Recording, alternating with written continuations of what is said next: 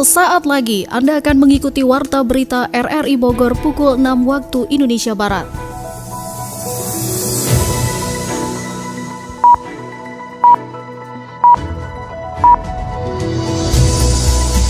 Selamat pagi dan salam jumpa. Kami kembali hadir dalam Warta Berita pagi ini Sabtu 8 April 2023. Siaran ini juga dapat Anda dengarkan melalui audio streaming RRI Play pada perangkat Android Anda, serta dapat Anda dengarkan kembali melalui podcast kami di Spotify, Anchor, Potel, dan juga Google Podcast. Berikut kami sampaikan berita utama.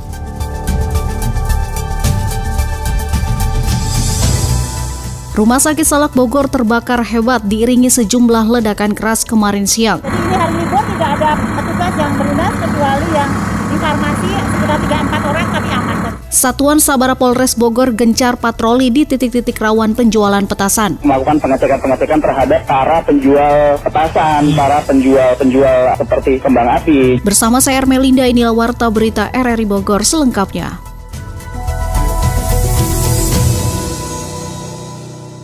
Rumah Sakit Salak Bogor terbakar hebat diiringi beberapa ledakan keras kemarin siang. Sejumlah pasien pun mengalami kepanikan. Laporan selengkapnya disampaikan Sony Agung Saputra. Rumah Sakit Salak Kota Bogor terbakar Jumat siang dengan mengalami kerusakan di bagian farmasi rumah sakit tersebut. Dalam keterangan persnya, Kepala Rumah Sakit Salak Nanik Prasetyo Ningsi menjelaskan kebakaran terjadi pada salah satu instalasi rumah sakit tersebut yang saat ini karena hari libur karyawan pun juga sebagian besar berada di rumah. Pasien rumah sakit tersebut juga dalam keadaan aman karena para medis langsung melakukan penanganan saat adanya amukan si jago merah. Pihaknya juga melakukan koordinasi dengan Dinas Kesehatan setempat untuk mendapatkan pasokan obat-obatan oksigen agar kebutuhan pasien juga dapat terpenuhi. Operasi pun aman, untuk IGD pun aman karena di beda tempat. Jadi ini hari libur tidak ada petugas yang bertugas kecuali yang di farmasi sekitar 3-4 orang tapi aman. Ada pasien yang terima kasih. Alhamdulillah pasti. Kami mengucapkan terima kasih uh, kepada Bapak Wali Kota, Bapak Danrem, dan uh, Bapak Dandem. Ada yang terdampak, petugas aman, tidak ada yang terdampak. Obat-obatan masih ada, namun kami akan dibantu oleh uh, Wali Kota melalui Bapak Ibu Kadinkes yang tadi sudah disampaikan kepada kami akan dibantu. Dan semua ke depan pembangunannya pun akan dibantu oleh Bapak Wali Kota. Sementara itu dari kebakaran itu juga terjadi sejumlah ledakan tabung gas oksigen dari dalam instalasi rumah sakit sehingga dari pihak pemadam kebakaran yang menerjunkan sedikitnya 10 unit mobil pemadam dari kota Kabupaten Bogor menjebol atap rumah sakit Salak untuk bisa memadamkan api. Satuan Sabara Polres Bogor gencar patroli di titik-titik rawan penjualan petasan. Adi Fajar melaporkan. Dalam rangka menjaga kehikmatan bulan suci Ramadan 1444 Hijriah, jajaran Polres Bogor akan melakukan razia terhadap peredaran petasan di pasaran. Pasalnya penggunaan petasan dapat membahayakan keselamatan warga dan berpotensi terhadap gangguan Kamtibmas. Polres Bogor melalui Samapta akan gencar melakukan patroli khususnya di titik-titik rawan penjualan petasan. Kanit Pam Ovid Samapta Polres Bogor Ibda Faizal Fadli mengatakan pihaknya tidak bekerja sendiri, melainkan akan berkoordinasi dengan aparat kewilayahan untuk bersama memberantas penyakit masyarakat dan jual beli petasan. Kami juga bekerja sama dengan instansi terkait kalau mungkin di tingkat-tingkat untuk Samapta Polres Bogor kita berkoordinasi dengan tingkat polsek-polsek, kemudian polsek-polsek melaksanakan kegiatan patroli juga, kegiatan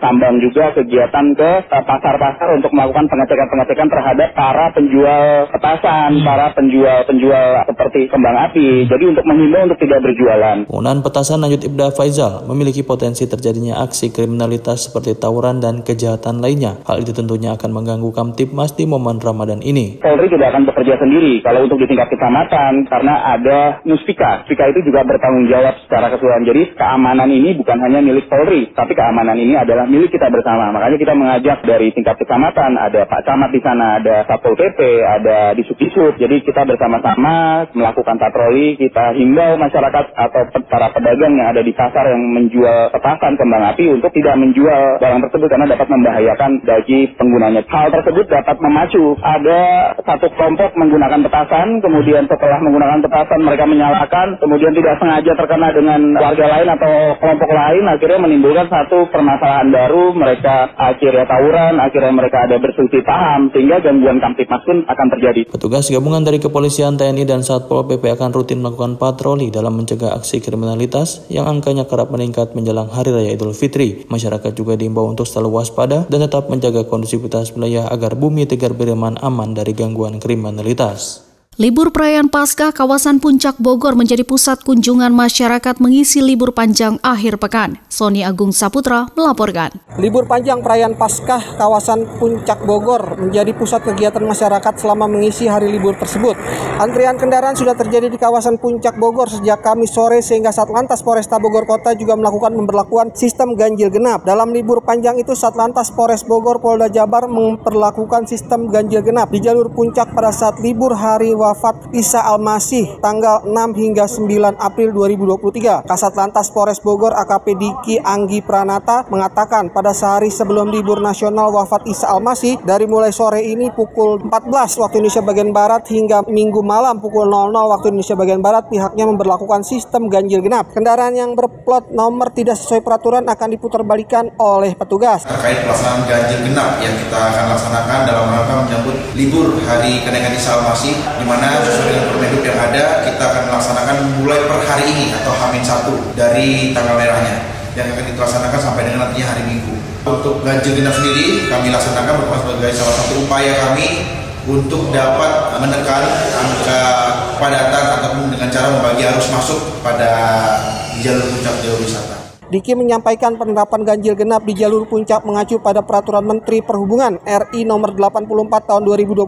Kebijakan ini diberlakukan guna menekan kepadatan lalu lintas menuju puncak.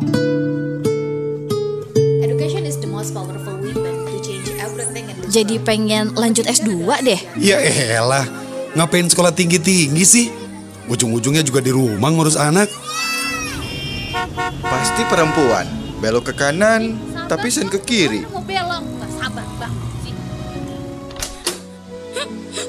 Idi, jadi perempuan cengeng amat.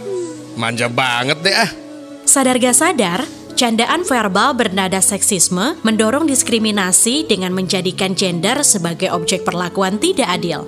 Sudah saatnya merubah pola pikir, ucapan, tulisan, dan perilaku agar tidak merendahkan harkat dan martabat orang lain.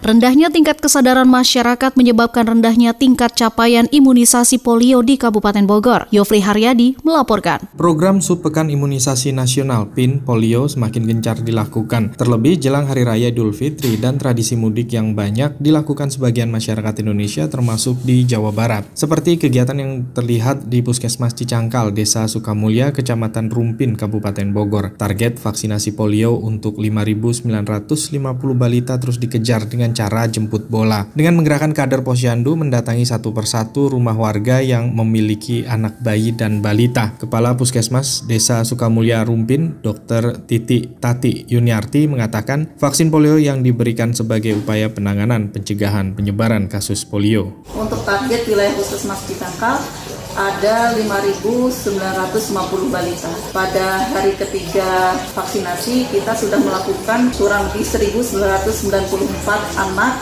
yaitu sasarannya kita sudah mencapai 34,7 persen.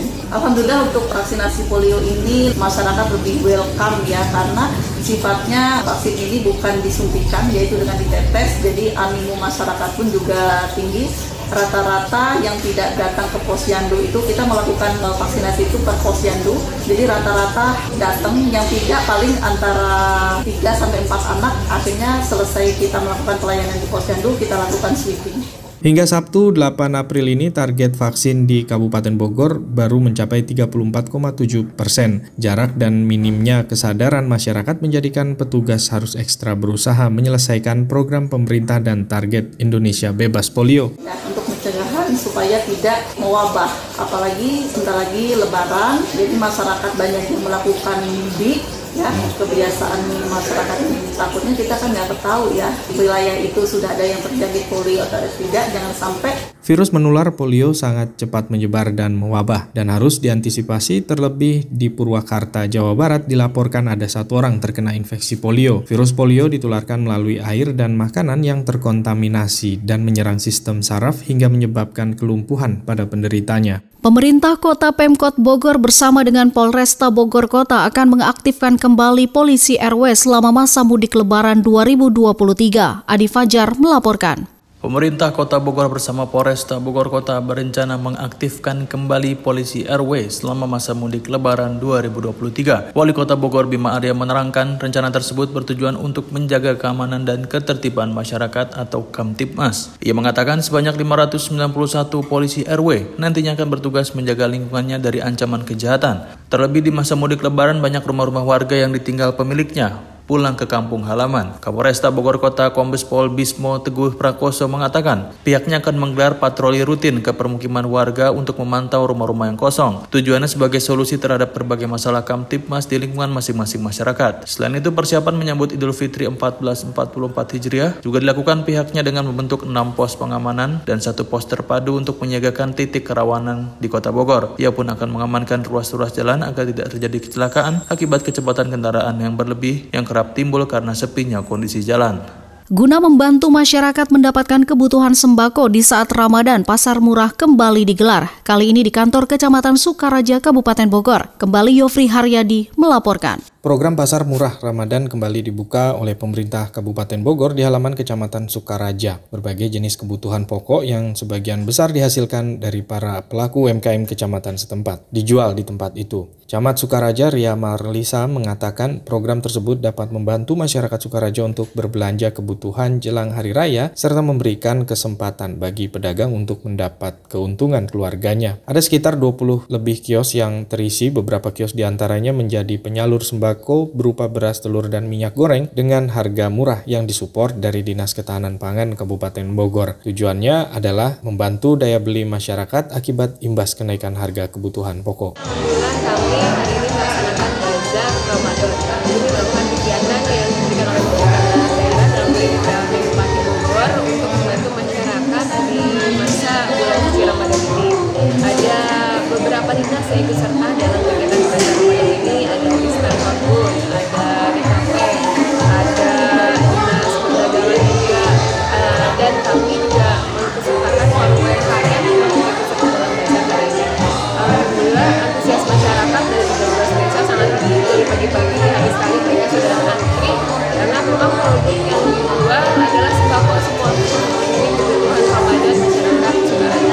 Kegiatan pasar murah atau gelar UMKM pada bulan Ramadan juga ditujukan menekan harga kebutuhan pokok dan menjaga daya beli masyarakat dan menjadi target Gubernur Jawa Barat Ridwan Kamil pada Ramadan dan Idul Fitri 1444 Hijriah ini. Kita lebih fokus sekarang pada harga jangan naik, mama mesti marah. Makanya ada tiga solusi, tolong dicatat pasar murah, kemudian gelar pangan murah, beda ya. Ini mah bukan di pasar tapi di alun-alun di mana yang tempatnya subsidi transportasi logistik. Kalau komoditas mahal gara-gara bensin atau mobil atau kendaraan mahal. Meski hanya berlangsung sehari, kegiatan pasar murah pada bulan Ramadan tersebut memiliki dimensi sosial yang tinggi yang harus dijaga. Ketersediaan, keamanan, dan harga terjangkau juga menjadi atensi pemerintah Kabupaten Bogor. Anda tengah mendengarkan Warta Berita RRI Bogor. Info ekonomi, daya beli masyarakat turun drastis dibandingkan lebaran tahun lalu. Ancaman El Nino dapat mengancam ketahanan pangan dan memicu lonjakan inflasi. Selengkapnya disampaikan Adi Fajar Nugraha. Ikatan Pedagang Pasar Indonesia IKAPI membenarkan saat ini harga beberapa komoditas pangan turun setelah sempat naik tinggi di awal Ramadan. Penurunan ini disebabkan lesunya daya beli masyarakat. Sekretaris Jenderal DPP IKAPI Renaldi Sari Jowan menyebut daya beli masyarakat turun drastis dibandingkan lebaran tahun lalu. Penurunan itu terjadi hingga 21 persen. Meski begitu ada secerca harapan dengan adanya gaji ke-13 dan 14 atau THR dalam meningkatkan kembali daya beli masyarakat di fase kedua Ramadan. Dijelaskan Renaldi, fase kedua biasanya terjadi antara seminggu sampai tiga hari menjelang lebaran. Pada periode inilah yang sesungguhnya menjadi PR pemerintah dalam mengatasi persoalan harga. Sebelumnya Presiden Jokowi menyebut stok pangan aman menjelang lebaran. Selain pasokan memadai, harga beberapa kebutuhan pokok seperti beras, telur, daging ayam, dan bawang juga turun. Hanya daging sapi yang harganya naik. Menurutnya penurunan harga sejumlah bahan pangan ini akan memperkuat daya beli masyarakat. Menteri Koordinator Bidang Perekonomian Erlangga Hartarto mewaspadai ancaman kekeringan akibat fenomena El Nino yang bisa melanda Indonesia di tahun depan. Kondisi itu bisa mengancam ketahanan pangan dan memicu lonjakan inflasi. Erlangga juga menyebut saat ini produktivitas sawah menurun karena perubahan iklim. Satu hektar sawah hanya menghasilkan 5 ton beras. Maka dari itu pemerintah terus mendorong inovasi dengan adopsi teknologi dengan modernisasi smart farming sehingga produksi bisa meningkat terutama beras yang diprediksi lebih dari 31 juta ton. Menurutnya pemerintah mengalokasikan anggaran ketahanan pangan sebesar 104 triliun rupiah. Dana tersebut akan digunakan untuk penguatan sektor pertanian melalui berbagai program seperti pengembangan budidaya pertanian dan food estate, penguatan infrastruktur pertanian, subsidi pupuk, dan subsidi bunga kredit.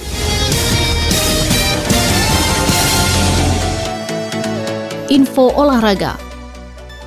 Skuad Timnas Indonesia U22 saat ini tengah melakukan persiapan intensif untuk berlaga di SEA Games 2023. Namun pelatih Timnas Indonesia U22 Indra Syafri mengeluhkan kondisi fisik para pemainnya. Oleh karena itu berbagai menu latihan diterapkan demi mendapatkan hasil maksimal dalam kejuaraan tersebut. Salah satu yang belakangan ini dilakukan adalah berlatih fisik. Fokus latihan fisik ini untuk bisa membakar lemak berlebih yang ada di dalam tubuh para pemain. Ini karena Indra Syafri melihat kondisi tubuh pemain memiliki banyak lemak. Hal ini seperti diterangkan salah seorang pemain timnas Indonesia U22 Teofilo Numberi. Dikatakannya sang pelatih Indra Syafri ingin mengurangi lemak berlebih yang ada dalam tubuh para pemain. Hal senada diungkapkan pemain timnas Indonesia U22 lainnya, Fajar Fatur Rahman. Back Borneo FC itu juga menyebut intensitas latihannya kini terus meninggi.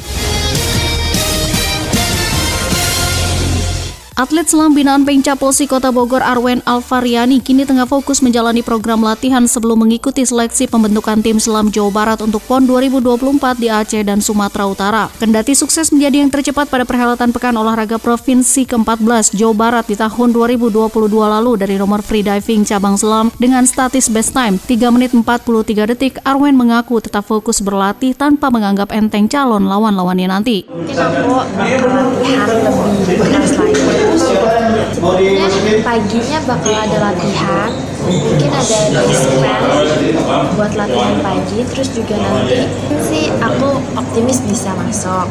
Karena kan aku juga yang paling paling baik no maksudnya waktunya tuh di paling atas ya paling terbaik di atas waktunya belum ada yang bisa ngalahin aku. Jadi aku optimis bakal bisa masuk Disinggung rasa optimisnya dengan tegas Arwen optimis dan percaya dirinya bisa menjadi bagian tim selam Jawa Barat untuk PON 2024 nanti. Sementara tiga atlet selam Kota Bogor lainnya terus memaksimalkan latihan agar bisa masuk pelatihan nasional atau pelatnas di tahun 2023 ini. Mereka di antaranya Najla Abdurrahman dan Erlangga. Rizky Nidam pelatih Posi Kota Bogor mengatakan ketiga atletnya itu memang menjadi andalan Posi Kota Bogor di berbagai event kejuaraan. Mereka juga kerap memberikan kontribusi prestasi, salah satunya pada event Porprov Jabar 2020 2022 lalu. Insya Allah ada yang tembus di Platnas nanti 2023. Target ada tiga orang di nomor 800, 400, serta 50 survei. Perempuan atas nama Najla, laki-laki atas nama Alam, Abdurrahman, dan satu lagi perempuan 50 atas nama Angela Batu siapanya. Sebenarnya banyak atletnya, cuman yang kansnya lebih banyak. Saat ini ketiga atlet tersebut terus diasah kemampuannya dengan melakukan rutinitas latihan di kolam renang Mila Kencana. Mereka melakukan latihan beberapa kali dalam seminggu.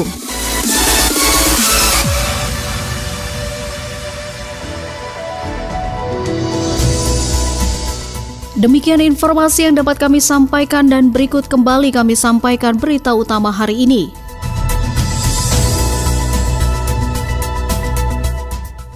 Rumah Sakit Salak Bogor terbakar hebat diiringi sejumlah ledakan keras kemarin siang. Satuan Sabara Polres Bogor gencar patroli di titik-titik rawan penjualan petasan. Saudara siaran ini dapat Anda dengarkan kembali melalui podcast kami di Spotify, Anchor, Potel, dan juga Google Podcast. Mewakili kerabat kerja yang bertugas hari ini, saya Ermelinda mengucapkan terima kasih dan selamat pagi.